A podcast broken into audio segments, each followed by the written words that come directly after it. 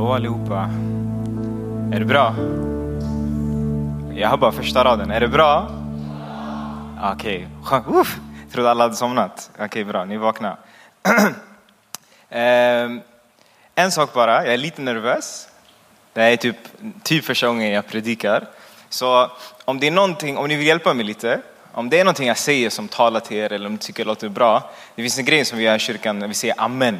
Okej? Okay? Så om jag säger Gud är god, vad säger ni? Okej, okay, bra. Så känn er fria under min predikan om ni känner så här, uff, det där talar till mig lite extra. Säg ah, amen eller någonting som bara får mig att, okej, okay, ni är vakna, ni är med på vad jag säger, okej? Okay? Okej? Okay? Okej, okay, bra, bra, bra, bra. bra. Uff, nu känns bättre, det känns bättre. Okej. Eh, det första jag vill göra innan jag börjar den här predikan, eh, det är att hedra mina pastorer och ledare. Först och främst pastor Lennart Karolina som är huvudpastorer här i församlingen, men också pastor Mikael och eh, pastor Louise som är våra ledare också. Eh, jag vill bara tacka er för era liv. Eh, och jag känner ibland att jag behöver säga det oftare, men ni, ni är exempel för oss i den här tiden. Alltså hur ni ger era liv till Gud och till församlingen, alltså det är, bara, det är beundransvärt. Ehm, och jag vill bara tacka för det här förtroendet att jag får stå här uppe och predika. Jag uppskattar det. Jag vill bara säga jag älskar er så mycket. Och jag, ja, tack för era liv. Ehm, sen vill jag också hedra två personer. Ehm, mina föräldrar, mina älskade föräldrar. Jag tror det finns en bild här. Okej. Okay. Är inte de fina? Alltså, de här är de bästa, alltså jag kunde inte önska mig för bättre föräldrar. De är helt fantastiska och de är förebilder för mig. Och om inte det var för de här personerna så hade jag inte ens haft en tro på Gud. Så jag vill bara tacka och hedra Gud för deras liv. De är helt fantastiska. Ser inte de unga ut?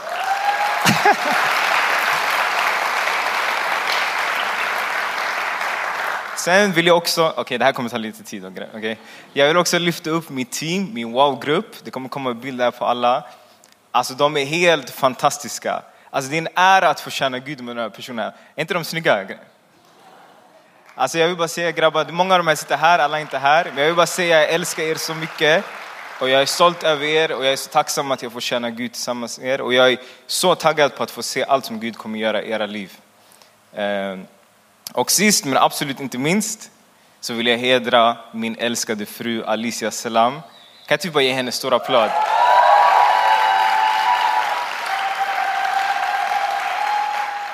Hon tycker det är fett obekvämt, men jag kommer göra det ändå. Jag vill bara säga att jag älskar dig så mycket. Um, ord kan inte beskriva hur mycket jag älskar dig och hur mycket du betyder för mig. Utan dig finns inget jag, utan, utan ditt stöd och dina böner hade jag aldrig klarat av att göra det jag gör idag. Så jag vill bara säga tack så mycket för att du tror på mig, att du står vid min sida. Jag älskar dig så mycket. En stor applåd. Okej, okay, nu, nu räcker det, nu räcker det. Jag lovar. Det är inte varje dag man får predika, eller hur? Man måste ta sin chans. Okej, okay. så för er som inte känner mig så heter jag Nahom Selam och jag är en av ledarna här i församlingen. Eh, och jag har varit med i den här församlingen ungefär 10 till 11 år.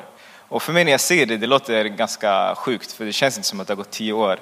Men jag vill bara säga att jag älskar den här platsen och den här församlingen och jag är så tacksam för att den här platsen finns och allting som jag har fått. Allting, alltså nu är jag, jag är helt seriös allting som jag har så här, erövrat och klarat mitt liv är på grund av att den här församlingen har gett mig Guds ord, har gett mig det jag behöver.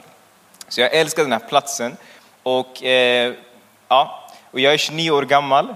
Ni kanske inte tror det, men eh, så är det. Och jag är uppvuxen på en plats som heter Fisksätra som ligger ute i Nacka. Eh, och när jag inte är här i kyrkan och liksom hjälper till här i kyrkan så jobbar jag på en kommunikationsbyrå Eh, som art director och designer. Eh, och än idag så tror jag inte mina föräldrar vet vad jag jobbar med. Så om ni inte förstår vad jag säger, det är inte lugnt. Det är lugnt. Eh, men nog om mig, nu ska vi gå in i ordet, okej? Okay? Och min titel för den här kvällen är We are one. Kan ni säga We are one? Och om ni kanske, som ni kanske märker så är det här namnet på vår församling, eller hur? Eh, och det, ba, det, här är inte bara ett snyggt namn eller en fin liksom, slogan, förstår ni? Det här namnet har betydelse.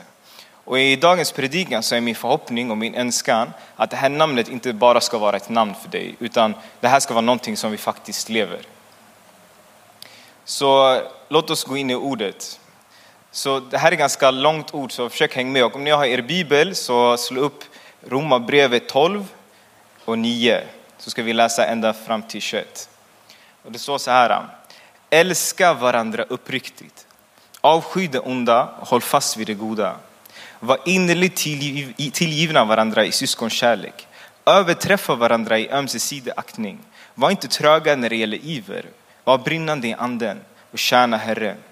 Var glada i hoppet, tåliga i lidandet och uthålliga i bönen. Hjälp de heliga med det de behöver och var ivriga att visa gästfrihet. Välsigna dem som förföljer er, välsigna och förbanna inte. Gläd er med dem som är glada och gråt med dem som gråter. Var eniga med varandra. Tänk inte på det som är högt utan håll er till det enkla. Var inte självkloka. Löna inte ont med ont. Tänk på det som är gott i alla människors ögon. Håll fred med alla människor så långt det är möjligt och bero på er. Hämnas inte mina älskade, utan ge rum för Guds vrede. Det står ju skrivet, min är hämnden, jag ska utkräva den, säger Herren.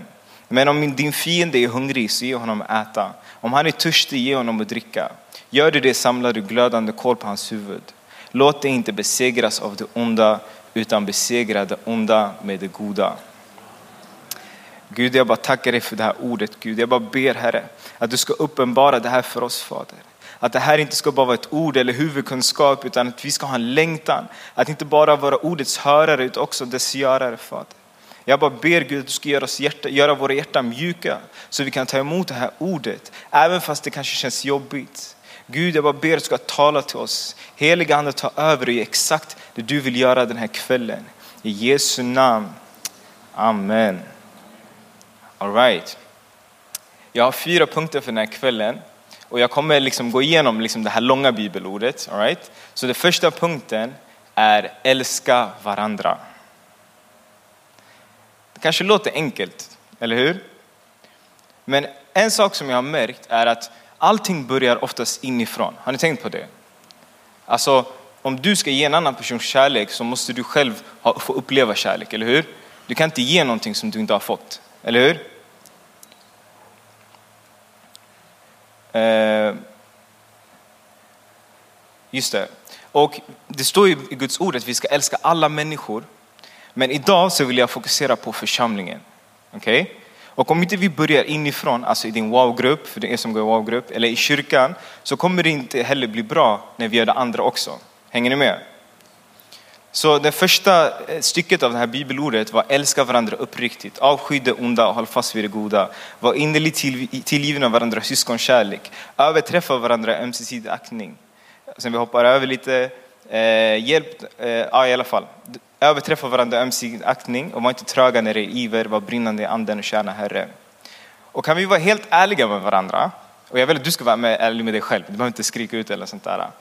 Men lever vi på det här sättet?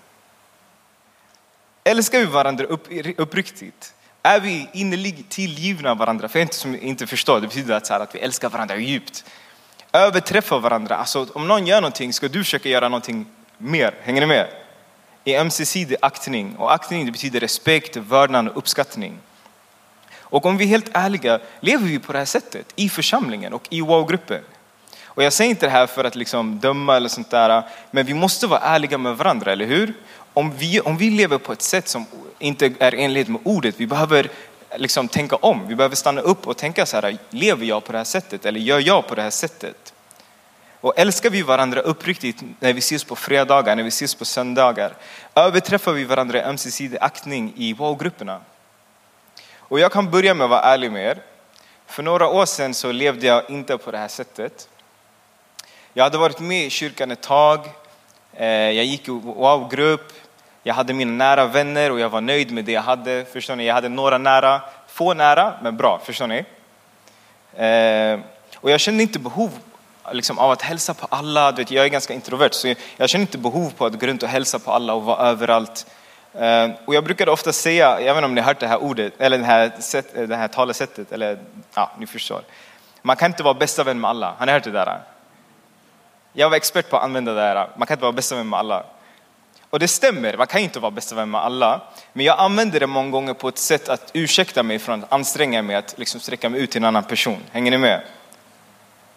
Och jag var en person som störde mig otroligt mycket på vissa person, personlighetstyper. Och ibland var det någonting de gjorde och ibland så var det, ni vet man kan inte sätta fingret på något. Vissa personer de har större än. Har ni varit med om det? Det är den här, varför andas du sådär? Alltså det, är så här, det, är inte, det är inte logiskt, men det är någonting som stör mig. Förstår ni? Eh, och, exakt, och det, och det kunde, vet du, och det var som att man typ nästan letade fel hos folk och lät den minsta saken bli en anledning att inte orka just med den personen eller vissa personer. Hänger ni med? Men jag hade en period när jag började läsa ordet och jag insåg att hur jag tänkte och hur jag dömde andra och hur jag levde stämde, eller hur jag tänkte och dömde och eh, levde stämde inte överens med Guds ord. Det här som vi läste precis, eller hur? Det jag beskrev nu, det stämmer inte överens med det här. Och där och då hade jag ett val. Antingen fortsätter jag som jag tidigare gjort och medvetet är olydig Gud och olydig det jag vet att Gud har sagt till mig. Eller så går jag emot min bekvämlighet och alla, alla de här ursäkterna som jag kommit på liksom med tiden, hänger ni med? Man kan inte vara bästa med allt, allt det där och bara väljer att lyda Gud. Och Jesus han säger sitt ord, om vi älskar honom så håller vi fast vid hans bud. Om vi faktiskt älskar Jesus, hur vi kan se det är om vi faktiskt håller fast vid hans bud och gör som han säger. Och efter att jag hade fått den här insikten, den här uppenbarelsen som vi brukar kalla det. Tror ni den här grejen blev enklare? För mig kändes det nästan som att det blev värre. För nu jag vet att jag är fel, men ändå jag känner det här. Hänger ni med? Men det som var skillnaden nu var att jag tog den här frustrationen eller irritationen eller allt det där och jag tog det till Gud istället och ventilerade till honom. Hängde ni med? Istället för att gå runt och prata med andra eller snacka, jag gick till Gud direkt och började ventilera till Gud och jag märkte hur snabbt Gud började vända det där till att säga, Nahum, släpp det här, det är inte värt. Det här är ingen stor grej. Du gör en höna av en fjäder. Och där i Guds närvaro blev det så mycket enklare för mig att släppa de här sakerna. Och en sak som jag bestämde mig vid den punkten var så här, okej, okay, jag ska bli bra på det här. Och kort därefter blev jag introducerad till någonting som heter life language. Är det någon här som vet vad life language är? Jag gör inte re reklam, det är inte det, jag, jag är seriös. Det här, precis direkt efter jag gjorde den här så kom den här grejen som heter life language. För er som inte vet vad det är, så är det en typ av så här personlighetstest som, som eh, det är inte personlighetstest, men det är typ som ett personlighetstest. Men det handlar mer om hur man kommunicerar. Eh, och när den här kom ut så, så var det som att jag hittade ett redskap att förstå mig på människor som var olika mig själv. Och det intressanta var att eh, på det här testet så, så har man liksom olika grejer av de här vet, personlighetstyperna. Så de personlighetstyper som var vet, mina lägsta var oftast de personlighetstyperna som jag störde mig på. Hänger ni med? Så för mig det blev så här, va? Är det därför jag störde stör? Eller ja, i alla fall, ni förstår vad jag menar. Men det det gjorde hos mig var att jag fick en längtan och jag fick en, liksom, en, ehm, eh, en längtan att så här, typ, nu ska jag förstå mig på de här personerna. Nu ska jag förstå mig på de här personerna som inte är lik mig, som inte förstår mig, som är annorlunda mig. Och jag ska börja bli bra på att älska de här personerna och visa att jag bryr mig till de här personerna. Ehm. Och ni kan fråga de som är mina vänner. Alltså det enda jag pratade om i typ två år, det var life language. Alltså mina, min familj de blev så irriterade på mig. Jag sa, vad är du för language? Vad är du för De sa, det räcker. Kan vi prata om någonting annat? Men det var, det var på den nivån. Jag bestämde mig, jag, bara, jag ska nörda ner mig på det här. Eh, eh och vet du, jag ska bli bra på att lära känna olika typer och möta andra människor. Och jag lät inte att det var svårt eller jobbigt stoppa mig från att anstränga mig att leva. Alltså att leva det ordet sa, hänger ni med? Och en annan sak som är viktig eh, och står i ordet är att vi ska vara tåliga, alltså i det här ordet som vi läste innan, att vi ska vara tåliga i lidande och uthålliga i bönen. Med andra ord, vi kommer finna vår styrka att vara de här personerna som Gud vill att vi ska vara i vår relation med Gud. Hänger ni med? Det här är inte någonting som du bara, nu ska jag bara anstränga mig, för vi räcker inte till. Så vi behöver vara uthålliga i bönen. Vi behöver ha en relation med Gud för att vi ska orka älska alla människor så som Gud vill att vi ska orka älska honom. För när jag läser vissa bibelord, jag vill säga, hur ska jag älska människor på det här sättet? Det här känns extremt ansträngande. Men en sak som jag förstod var att jag kommer vara beroende av Gud. För när jag är beroende av Gud så kommer han fylla på det jag behöver. Och när jag har fått det jag behöver så kommer jag kunna ge andra det Gud vill att jag ska ge de andra, eller hur? Punkt nummer två. Där det finns ett team, där finns det erövring. Är det någon som har hört det här? Äh, den här okej, okay, det är inte bara jag va? Okej, okay, det är några, det är några stycken. Eh, och det här är inte heller bara ett fint citat. Utan det här är någonting som är avgörande för att vi ska kunna tjäna Gud. Jag har försökt kolla upp vad ett eh, team är eller betyder. Och vet ni vad jag hittade? Det står så här. Det är en grupp människor med färdigheter som kompletterar varandra, dedikerade till samma syfte, mål och approach. Det är det vad ett team är. En, en grupp människor som är dedikerade till samma syfte och mål och som kompletterar varandra för att uppnå det här. Och Jesus, han är vårt största exempel. Okay? Hur Jesus levde, det är så vi ska sträva efter att leva. Och Jesus, han förstod vikten av ett team. När han gick runt på jorden och gjorde massa mirakler och predikade och gjorde allt, allt möjligt. Som, alltså det var så mycket människor som följde efter honom. Det stod till och med att det var många som knuffade in honom och ville röra vid honom. Men Jesus hade ett team av tolv lärjungar som han alltid var med och som han delade saker som alla inte fick ta del av. Men det var genom de här tolv som evangeliet spred sig när Jesus lämnade jorden. Och Jesus förstod, om Jesus förstod vikten av ett team, hur mycket mer behöver inte vi förstå det? Och jag personligen, som jag nämnde innan, jag har varit lite introvert, jag har varit lite av en ensam varg och jag har känt att jag inte alltid behöver andra människor. Eh, och att det inte alltid är lätt att förlita sig på andra människor, för det är lätt att de gör en besviken eller gör, en liksom, gör fel, eller hur? Men sen läser jag det här ordet från första Korinthierbrevet 12 och 21. Och det står så här, ögat kan inte säga till handen, jag behöver dig inte.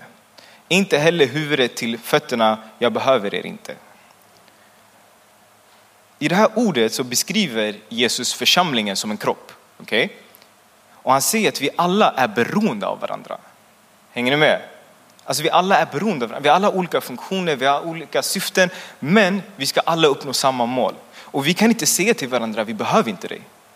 Jag har träffat många personer och jag har också varit i en period en sån person som säger, men jag har min relation med Gud och det räcker. Hänger ni med? Jag behöver inte församlingen. Men när jag läser Guds ord så stämmer det här inte överens med det. Han säger så här, du kan inte säga till din hand, jag behöver inte dig. Du kan inte säga till dem i, din försam i församlingen, jag behöver inte dig. Vi alla är beroende av varandra. Hur många här har spelat en lagsport? Jag vet, jag frågar mycket, det är bara för att jag vill se om ni är vakna också. Okay? I alla fall, jag, jag har spelat fotboll i många år i mitt liv och nu är jag sämst, så uh, fråga mig inte att spela. Uh, men i min prime så uh, var jag ändå ganska bra tror jag. Så i min fotbollskarriär, om man ens kan kalla det karriär, så, så har jag spelat i många olika lag. Liksom jag, jag, jag började Fisksätra, där jag är uppvuxen, Saltsjöbaden, Järla. Jag har spelat i många olika lag. Och jag kan, inte, jag kan säga till er, det är stor skillnad på ett lag där alla är enade och ett lag där man inte var det. Är det någon som kan känna igen det här? Alltså ett lag, jag spelade i ett lag eh, jag spelade i Hammarby och jag spelade först i lag två. Och när vi var lag två, vi alla, vi var inte de bästa på våra positioner. Okay? Vi, var inte, vi var inte de bästa spelarna. Men vi hade en sån personkemi, alltså vi alla ville samma grej, vi alla hjälpte varandra. Och vi var så duktiga att vi till och med på en träningsmatch slog alltså lag 1. Hänger ni med? Och efter några år jag hade spelat i lag 2 så blev jag uppflyttad till lag 1. Och när jag kom till eh, det första laget då, när jag kom dit så märkte jag så här, är de här, alltså alla konkurrerar med varandra. Alltså de här spelar inte enade för att vinna, utan de spelar för att vinna en position i det laget. Hänger ni med? Och det gjorde att vi som lag hade, hade vi svårt att liksom så här, bli de bästa. För att alla där var inte enade. Alla där ville inte samma grej. Utan alla där krigade och eh, kämpade för att få en viss position. Och som jag sa, att vara ett team och att vara enade är så viktigt för att man ska kunna erövra det man ska erövra. Om vi ska kunna göra det Gud har kallat oss, och vad är det Gud har kallat oss att göra? Han säger gå ut och gör alla människor till lärjungar, döp dem i Faderns, Sonens och den helige Andes namn. Om vi ska kunna göra det här så måste vi göra det tillsammans. Och om vi inte är enade så kommer inte det här gå bra. Det kommer inte gå bra, så enkelt är det. Och min fråga till dig ikväll är, om det här är så viktigt, vad är det du gör för att skapa den här teamkänslan i din wow-grupp? och i den här församlingen. Många gånger eh, i mitt liv så har jag förväntat mig att andra ska göra saker eller ta det första steget. Men Gud har alltid varit på mig, alltså Nahum det börjar med dig. När du förändras så kommer allt annat förändras. Du kan inte styra över en annan person, men du kan styra över dig själv. Eller hur? Så vänta inte på att någon annan ska ta första steget. Vänta inte på att någon annan ska börja skapa den här teamkänslan. Utan du var den personen som gör det här.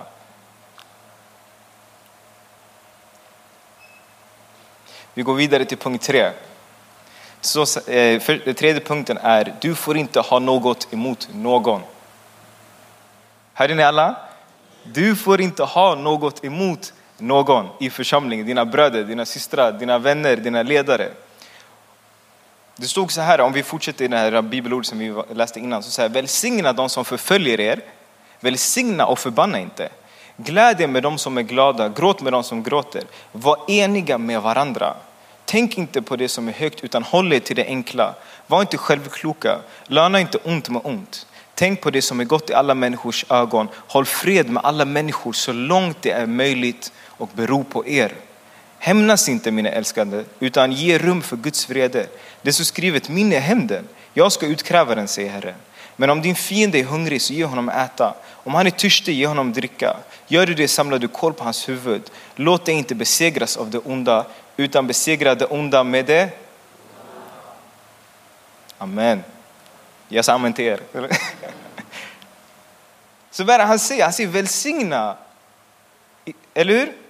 Välsigna, även om den personen förföljer dig, välsigna den personen. Var glad med de som är glada. Ibland vet när folk blir välsignade, man tänker sig, varför den här personen? Varför inte jag? Eller hur? Okej, okay, alla kanske inte är så. Ingen, okej, okay, det är lugnt. Det är lugnt. I alla fall, man kan bli av, det är lätt att man kan bli avundsjuk. Men när någon i församlingen, din bror, din syster vinner någonting, det är som att du har vunnit. Eller hur? Om den får ett jobb, det är som att du har fått jobbet. Vi behöver vara glada med varandra på ett äkta sätt, eller hur? Och när, när våra bröder eller systrar gråter så ska vi gråta med dem. Vi måste ha empati för våra syskon. Om någon går igenom någonting tufft, då ska vi inte bara säga amen, ha det bra, lycka till. Utan vi, då går vi igenom det tillsammans, eller hur? Vi ber för varandra och tröstar varandra. Vi behöver vara eniga. Tänk dig att Jesus säger att vi ska vara så här med, med våra fiender. Vi Vet alla här vad en fiende är? Det är någon som vill förstöra dig, hänger ni med? Någon som vill se dig misslyckas och liksom, du vet, försvinna. Det är en fiende. Men vi kan inte ens tolerera någon som säger någonting, säger någonting litet. Hänger ni med? Någon som andas på fel sätt som jag sa innan, hänger ni med? Vi kan inte tolerera någon som är lite irriterande, som gör någonting som gör så att vi tappar humöret, förstår ni? Och de har oftast inte dåliga intentioner bakom det, det de gör. Men även om de hade dåliga intentioner så ska vi bemöta dem med kärlek, eller hur? Och grejen, en sak jag har märkt är problemet är att vi oftast vill, vill ha vår rätt. Eller hur? Det var han som gjorde fel. Om vi alla ska, är, alla, är vi alla överens? Det var han som gjorde fel. Förstår ni? Vi, vi vill ha vår rätt. Och vi vill ha vår rätt även fast det innebär att vi syndar. Vi vill ha det så mycket att vi trotsar det Gud har sagt till oss. Men vi måste lära oss att släppa saker. Att låta Gud döma och lära oss att förlåta och släppa när människor gör oss orätt. Och vet ni varför Gud säger att jag ska hämnas? Först och främst, vi som människor, vi kan inte döma. Och vet ni varför? För vi själva, själva är bristfälliga, eller hur? Vem är du att döma om du själv syndar? Men för det andra, och det här är det viktigaste, det är att vi har inte den kunskapen, visheten, förståelsen att döma rättvist. Vi kan inte det. Vi kan inte se allting så vi kan inte döma rättvist. Det är endast Gud som har den förmågan. Och därför säger han, hallå släpp det här. Låt mig ta hand om det och gör det jag har sagt till dig. Älska den personen, förlåt den personen, gå vidare.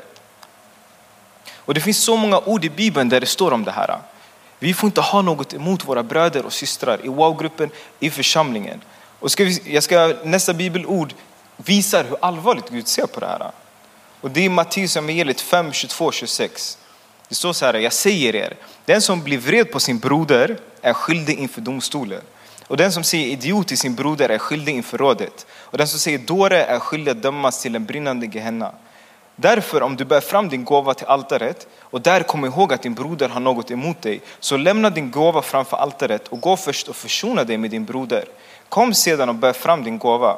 Skynda dig och gör upp med din motpart medan du är med honom på vägen. Annars kan han överlämna dig till domaren och domaren till vakten och du sätts i fängelse. Jag säger sanningen, du kommer inte ut därifrån förrän du har betalat till sista öret. Alltså ser ni hur allvarligt han ser på det här?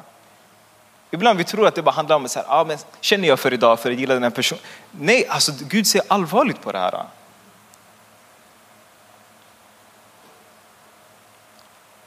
Och vi måste förlåta varandra och göra upp med varandra medan vi fortfarande har tid. För annars skapar vi splittring. Och vet ni vad Gud hatar? Han hatar splittring. Han hatar när hans söner och döttrar bråkar. De går sin egen väg och gör sina egna grejer. Han vill att vi ska vara enade. Och jag ska läsa ett annat ord från Judas brev. Det står Så här, men ni mina älskade ska komma ihåg vad som är förutsagt av Herre Jesu Kristi apostlar. De sa det till er, i den sista tiden kommer hånfulla människor som drivs av sina gudlösa begär. Det är sådana människor som skapar splittring. Oandliga människor som inte har anden. Men ni mina älskade ska bygga upp er själva på er allra heligaste tro och be den heliga ande. Håll er kvar i Guds kärlek medan ni väntar på vår Herre Kristus i sin barmhärtighet ska ge er evigt liv. Mot, mot dem som tvivlar ska ni vara barmhärtig. Andra ska ni rädda genom att rycka dem ur elden. Och andra ska ni vara barmhärtiga mot, fast med fruktan så att ni avskyr till och med deras kläder som är nedsmutsat av köttet.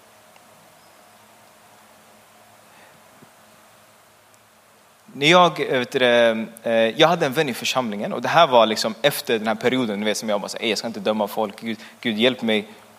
Jag hade en vän i församlingen som hade svårt, också du vet, som jag hade innan, hade svårt eh, för vissa personer. Och den här personen som, som jag absolut, de här personerna som den personen pratade om, min vän pratade om, förlåt jag är lite förvirrande. Jag hade inga problem med dem. Och jag är en person som oftast eh, vill se mig själv som en person som inte är så jättelätt påverkad av vad andra gör runt omkring mig. Eh, och tro mig, jag har bevis på det här. Men i alla fall, ni, jag vill bara att ni ska förstå.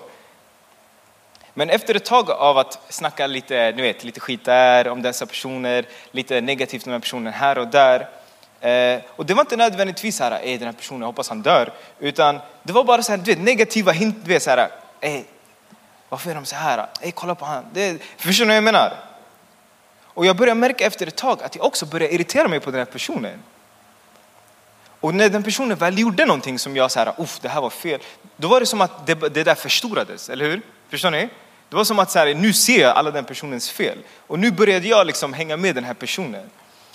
Eh,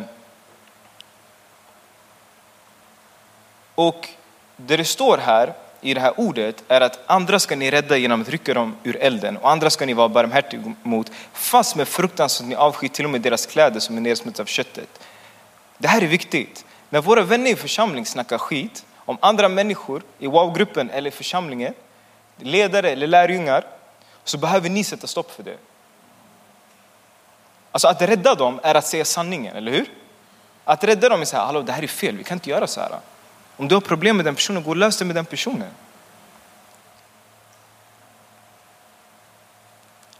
Och om den personen inte vill lyssna och fortsätter så, alltså om medvetet säger jag vet det här är fel men jag ska ändå fortsätta med det här. Så behöver du bevara ditt hjärta. Du behöver tänka på att det här kommer påverka ditt sinne. De vi umgås med, det är de vi blir lika. Så du behöver tänka på vilka du umgås med och hur det här påverkar dig. Jag lovar er, det är så lätt att hänga med i det här snacket. Det är så lätt att haka på och också tycka om de här sakerna. Varför? För att det är vad kött vill. Det är enkelt att göra de här sakerna. Det är svårt att säga ifrån.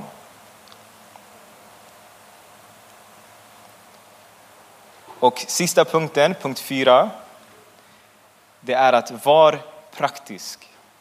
Och nu ska jag säga till alla, var praktiska. Det står i Bibeln, var inte bara ordets hörare utan var dess görare. Annars bedrar ni er själva. Hänger ni med? Om ni hör ordet och bara ah, det här är ett bra ord, men inte gör det, så lurar ni er själva. Det här får inte fastna vid huvudkunskap. Det här behöver bli en livsstil för oss alla. Och det behöver inte alltid vara stora saker. Jag vet inte, ibland vår hjärna går alltid de här, oh, jag måste älska då, jag måste ge hela mitt liv. Alltså ibland kan det bara vara att börja komma till wow-gruppen så att man ses. Ibland det handlar bara om att ringa din person, någon person som inte har kommit på A-grupp ett tag. Ey, hur mår du? Det var länge sedan. Att hjälpa någon som behöver flytta. Att ringa och någon som har gått igenom tufft. Ey, hur mår du? Är det bra? Jag står med dig.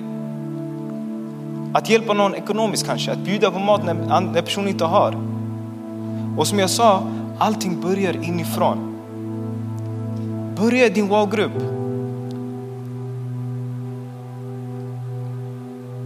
Vad kan du göra för att skapa den här teamkänslan som gör att ni blir enade? Och nu jag ska läsa det sista ordet för den här kvällen. Och det står så här i Johannes evangeliet 13.34. Det står så här. Ett nytt bud ger jag er. Att ni ska älska varandra. Så som jag har älskat er eh, ska också ni älska varandra. Om ni har kärlek till varandra så ska alla förstå att ni är mina lärjungar. Hur folk där ute kommer se att vi är hans lärjungar är hur vi älskar varandra. Det är inte genom fina predikningar. Det är inte genom att ni kan allting i Bibeln. Utan er kärlek till varandra. Så om ni verkligen vill vara Jesu lärjungar behöver vi ändra våra vanor. Vi behöver ändra våra tankar och hur vi tänker om sådana här saker. Vi behöver bli personer som enar, som älskar, som bygger upp. Här inne, innan det går ut.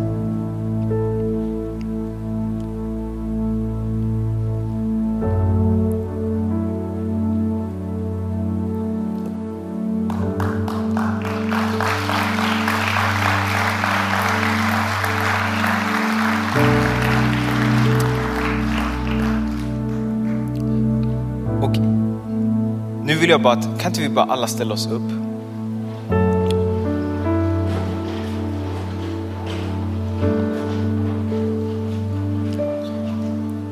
Och vi kan alla blunda, okej? Okay?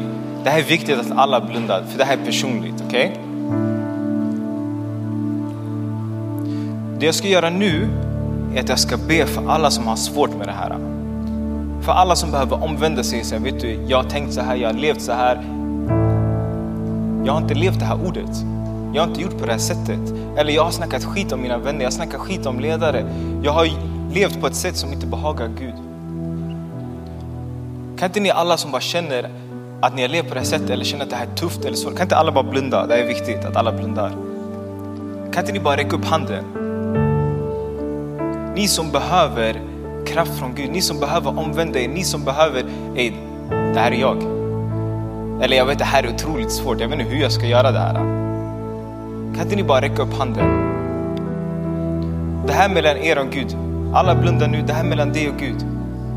Du vet vad du har sagt, du vet hur du har tänkt, du vet hur du har agerat. Du vet om du har varit en person som bygger upp eller bryter ner. En person som sammanför eller splittrar. Det är bara du som vet det här. Och medan vi blundar så ska vi bara be. Gud, jag bara tackar dig Fader. Gud, vi bara omvänder oss den här kvällen Fader. Vi bara ber om förlåtelse för varje rot av bitterhet och besvikelse Fader. Och jag ber Herre att du ska av hela varje sår, hela varje person som har blivit sårad av någon i församlingen Fader. Någon som har blivit sårad Herre, av någon Herre inom den här byggnaden Fader.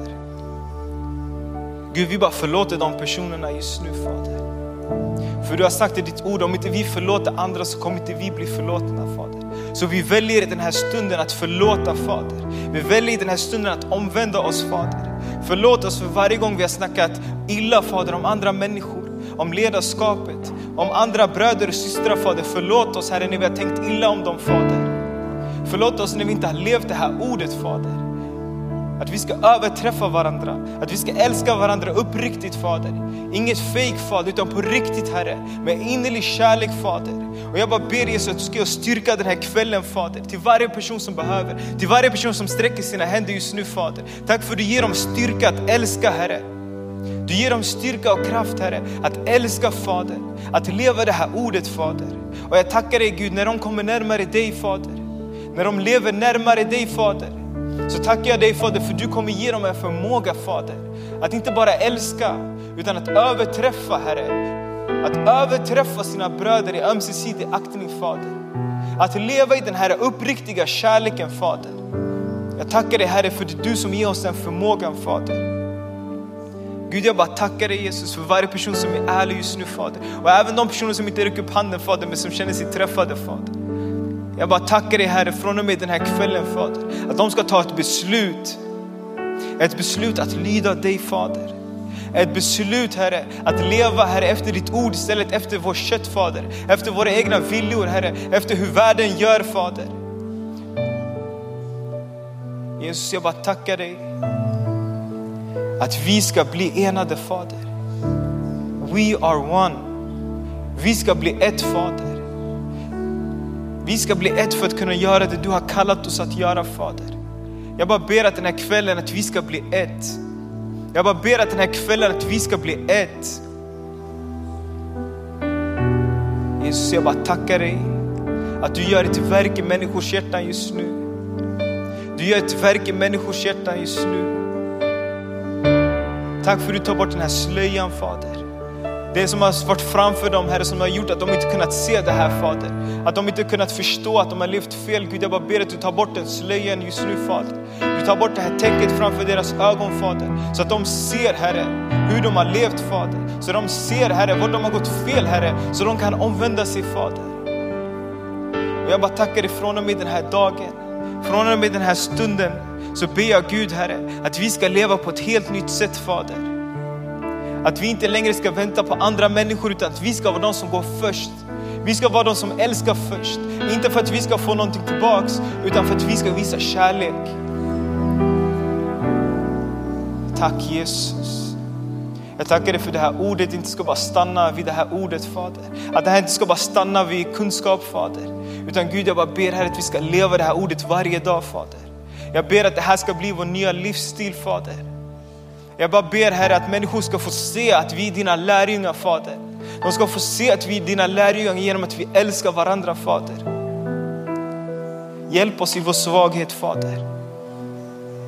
I Jesu namn. Amen. Och nu nästa, den här helgen, eller nu på måndag så kommer vi, många av er åka till Wow Camp, inte alla. Det här är perfekt tillfälle att praktisera det här ordet. Det är ett perfekt tillfälle att leva det här ordet. Och du som inte ska följa med, det är lugnt. Det kommer vara grejer här också, eller hur?